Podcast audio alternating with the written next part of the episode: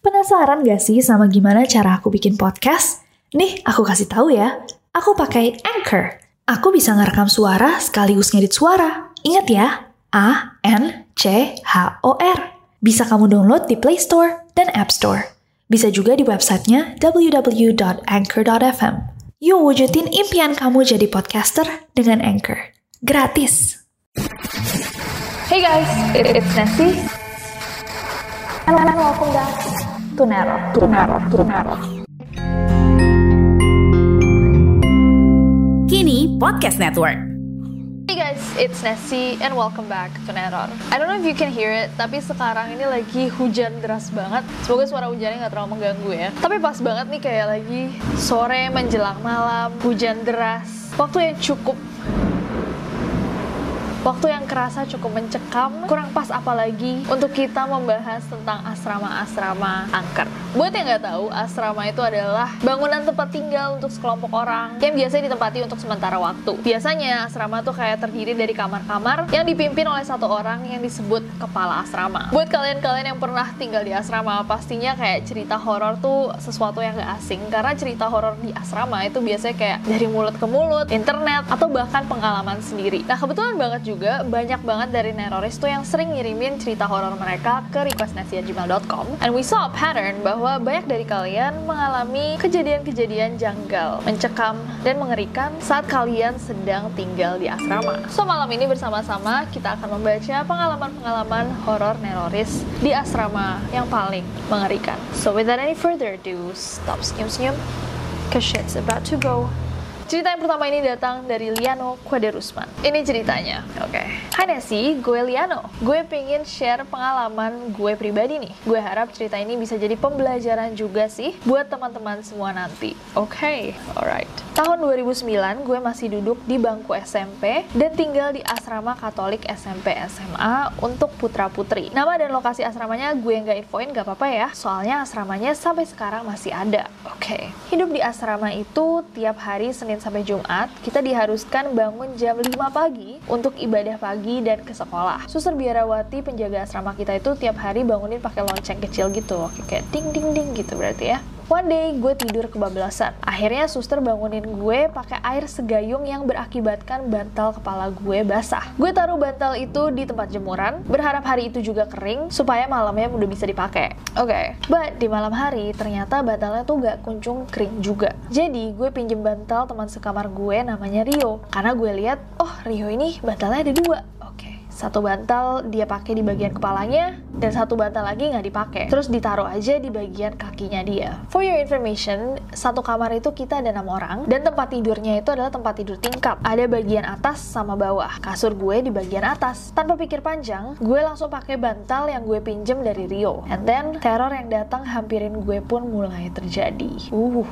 Malam pertama gue tidur pakai bantal itu gue mimpiin dua teman cewek gue yang tinggal di asrama yang sama namanya Virgin sama Vera. Di mimpi itu, gue inget banget mereka berdua main ke kamar gue. Terus tiba-tiba si Virgin ngeliat ke arah atap terus nangis sambil teriak-teriak. Virgin bilang, Kapriska jangan, Kapriska. Karena mimpi itu, gue pun kebangun keadaan masih gelap karena masih subuh. Walaupun gue udah kebangun, gue sadar kalau ternyata gue tuh ketindihan, sleep paralysis. Dalam hati gue baca doa Bapak kami. Di pertengahan doa, tiba-tiba gue kebangun dengan kondisi baju dan spray yang udah basah karena keringat. Padahal kondisi asrama dingin banget di malam malam hari karena daerah asrama gue itu ada di daerah pegunungan. Tapi gue tetap positive thinking kalau gue ketindihan mungkin karena kecapean di sekolah. Paginya waktu sepulang sekolah, gue samperin Virgin sama Vera, dua teman cewek gue yang ada di mimpi gue semalam. Terus gue tanya ke mereka, kalian kenal nggak sama Priska? Oh ini Priska yang tadi disebut sama Virgin itu ya kayak Kak Priska jangan Kak Priska gitu. Virgin bilang, iya kenal dia itu senior kita. Dulu pernah tinggal di asrama ini. Emang kenapa? Gue bilang, oh nggak kenapa-napa kok. Malam kedua gue tidur pakai bantal itu dan masih ketindihan juga. Malam ketiga gue tidur, itu adalah malam yang gak bisa gue lupain sampai sekarang. Walaupun kejadiannya udah terjadi a long time ago, udah lama banget ya.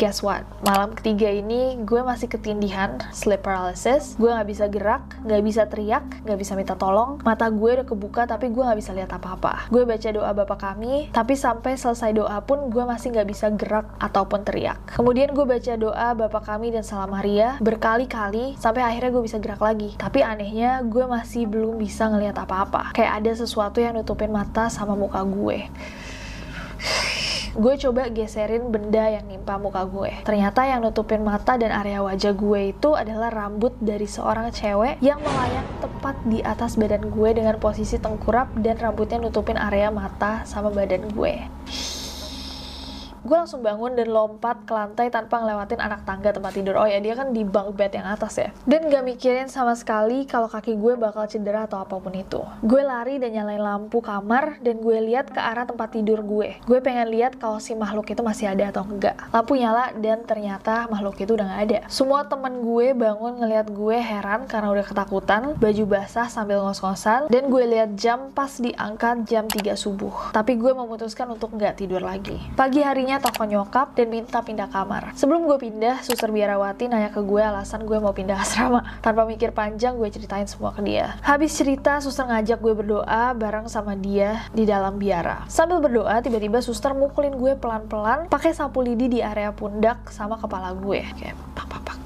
gitu ya. Selesai berdoa, tiba-tiba suster biarawatinya bilang ke gue, barang asing apa yang ada sama kamu, yang kamu pakai? Cincin, atau baju, atau kalung? Gue bilang, gak ada sama sekali sus, aku gak pernah pakai baju atau aksesoris orang lain. Suster biarawatinya bilang, oke okay, coba kamu masuk ke kamar, buka lemari kamu, lihat tempat tidur kamu, dan perhatiin, apa ada barang yang bukan milik kamu, yang kamu pakai tanpa seizin yang punya. Oh, setelah gue cek, gue baru sadar bahwa tiga hari ke belakang ini gue pakai bantal yang gue pinjem dari Rio Gue ambil bantalnya, gue buka sarung bantalnya, and guess what? Di bantal itu ada nama yang tertulis pakai spidol permanen Priska. Nama cewek yang ada di mimpi gue di hari pertama gue pakai bantal itu. Gue bawa bantal itu ke suster, dan akhirnya suster cerita kalau si Priska ini adalah salah satu anak yang pernah tinggal di asrama itu. Dia meninggal setelah ujian nasional SMA karena kecelakaan. Setelah meninggal, ada beberapa barang dia yang gak diambil sama pihak keluarga termasuk bantal. Dan barang-barang anak asrama yang tidak diambil akan disimpan di gudang asrama. Suster nanya ke gue kenapa gue bisa pakai bantal itu, dan gue jawab bahwa bantal itu gue pinjem dari si Rio. Nah, Rio ini emang adalah salah satu anak yang jahil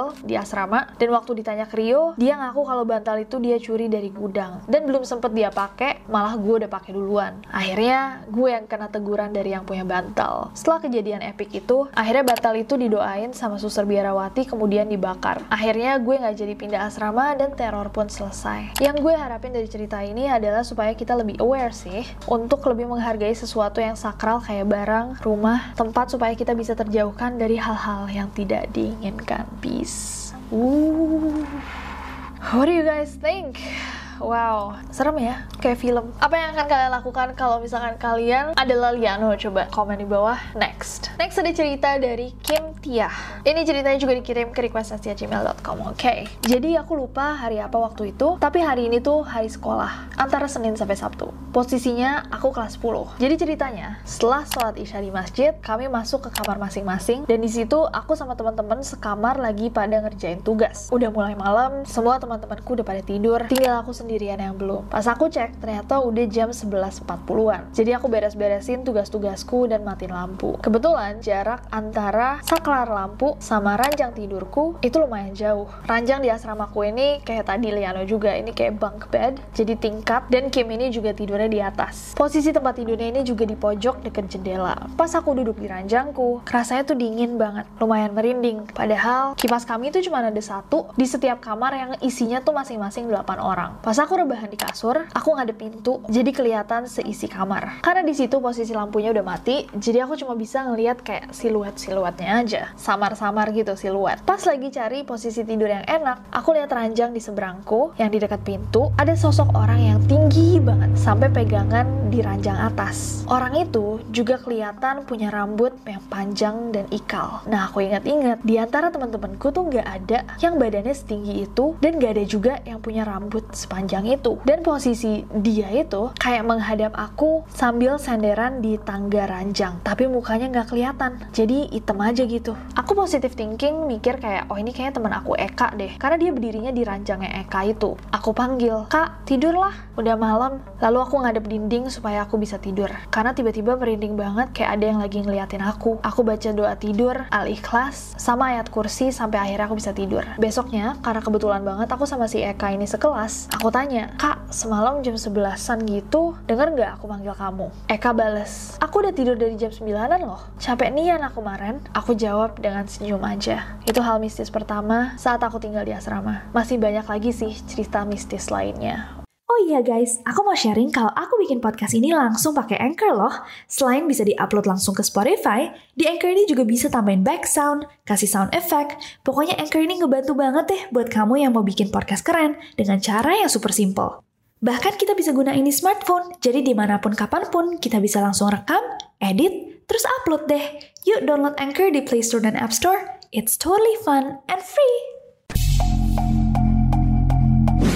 Next ada dari Tani. Oke, Tani ini bukan nama asli karena dia tidak mau di-mention namanya. Hai Kanes, aku blank. Aku baru-baru ini ikutin YouTube kakakku nonton yang kampus-kampus terserem kalau nggak salah. Terus kampusku masuk di listnya. Terus aku jadi inget momen aku masih kuliah dulu tahun 2012. Untuk cerita lengkapnya aku lampirin ya. Silahkan kalau kakak tertarik boleh baca atau boleh di-up untuk cerita tambahan Kanes di YouTube. By the way, kamu udah kuliah tahun 2012, most likely kamu lebih tua sih dari aku. Jangan panggil aku kak. Oke, okay, let's go. Sebut aja namaku Tani. Aku biasa dipanggil Bu sama teman-teman angkatan. Wow. Aku mahasiswa baru angkatan masuk 2012 di salah satu kampus ternama di Bandung. Karena aku mahasiswa baru yang dapat beasiswa dari luar Bandung, maka aku wajib tinggal di asrama selama satu tahun. Aku menempati kamar di lantai 4 asrama baru, yang masih satu asrama juga dengan asrama lama. Sebelum masuk ke ceritanya, aku mau jelasin dulu bangunan asrama baru ini. Jadi bangunan ini memiliki empat lantai memanjang dengan dua pintu masuk utama, dari depan dan dari belakang. Namun hanya satu yang aktif yaitu bagian depan saja, karena pintu belakang ini biasanya dipakai untuk jemur pakaian kalau-kalau tempat jemuran utama sudah penuh. Pintu masuk juga langsung terhubung ke tangga menuju lantai-lantai di atasnya. Bagian tengah abu-abu merupakan area di mana semua penghuni bisa saling sapa karena dari atas sampai bawah tidak tertutup. Oke, jadi ini kayak model hall gitu ya. Bolong tengahnya. Terdapat sejumlah kamar yang tiap kamar diisi tiga mahasiswi baru. Aku lupa jumlah kamar setiap lantai, kurang lebih seperti Dana di atas. Kamarku dan kamar temanku Lea terletak di pojok belakang dan depan. Oh ini denahnya. Malam itu adalah salah satu rangkaian acara penyambutan mahasiswa baru dan itu adalah malam pegelaran seluruh UKM, unit kegiatan mahasiswa. So kampus saat itu rame banget karena udah seharian di kampus. Lea ngajak aku untuk pulang dulu ke asrama, mandi, bersih-bersih dan lain-lain. Baru nanti kalau mau kita bisa balik lagi ke kampus. Akhirnya kami pulang ke asrama naik angkot karena jaraknya lumayan jauh. Sayangnya angkot juga nggak bisa berhenti tepat di depan asrama sehingga kami harus jalan kaki lagi. Singkat cerita, aku ke kamar dan bergegas menuju kamar mandi.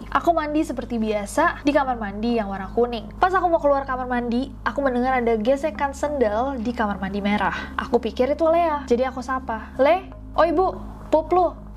iya bu, nanti jadi kan ke kampus lagi? Yoi, aku duluan ya, mau sholat dulu. Tanpa menunggu jawaban, aku langsung keluar kamar mandi dan menuju kamar. Sesampainya di kamar, langsung sholat. Sambil masih pakai mukena, aku chat Lea. Lea udah kelar pupnya, cabut yuk. Lea bilang, pup, Aku dari tadi main HP, Bu. Sorry bentar-bentar, aku pengen pipis dulu bentar. Aku bilang, Leh, serius kau dari tadi nggak ke kamar mandi? Lea balas, iya Bu, dari tadi chatting sama temanku keenakan, hehe. Tanpa menunggu balasan dari Lea, aku langsung lepas mukena, ambil tas, dan langsung cabut kunci pintu dan lari ke kamar Lea. Aku bahkan saking penasarannya, aku sambil lari ke kamar Lea, aku berusaha lihat semua kamar di lantai 4, berharap ada mahasiswa lain selain aku dan Lea. Sesaat aku berpikir positif bahwa ada mahasiswa yang iseng, tapi ternyata nggak ada. Dan aku yakin banget bahwa yang tadi aku denger di kamar mandi itu adalah suara Lea. Aku coba chat di grup. Cuy, ada yang lagi di asrama nggak nih? Kenapa bu? Aku masih di kampus, kata Bia. Dara bilang, nggak bu. Tari bilang, aku baru mau otw asrama nih bu. Dia bilang, nggak. Dan sisa mahasiswa lain menjawab pun bilang, kalau nggak ada satupun dari mereka yang ada di asrama. Aku dan Lea langsung lihat-lihatan. Tanpa kata-kata, kami langsung lari terbirit-birit. Kami turun melalui tangga depan meskipun lebih lama menuju lantai satu dibandingkan lewat tangga belakang, yang tepat ada di belakang kamar Lea. Sebab tangga depan kamar Lea itu terlalu gelap dan jarang ada yang lewat.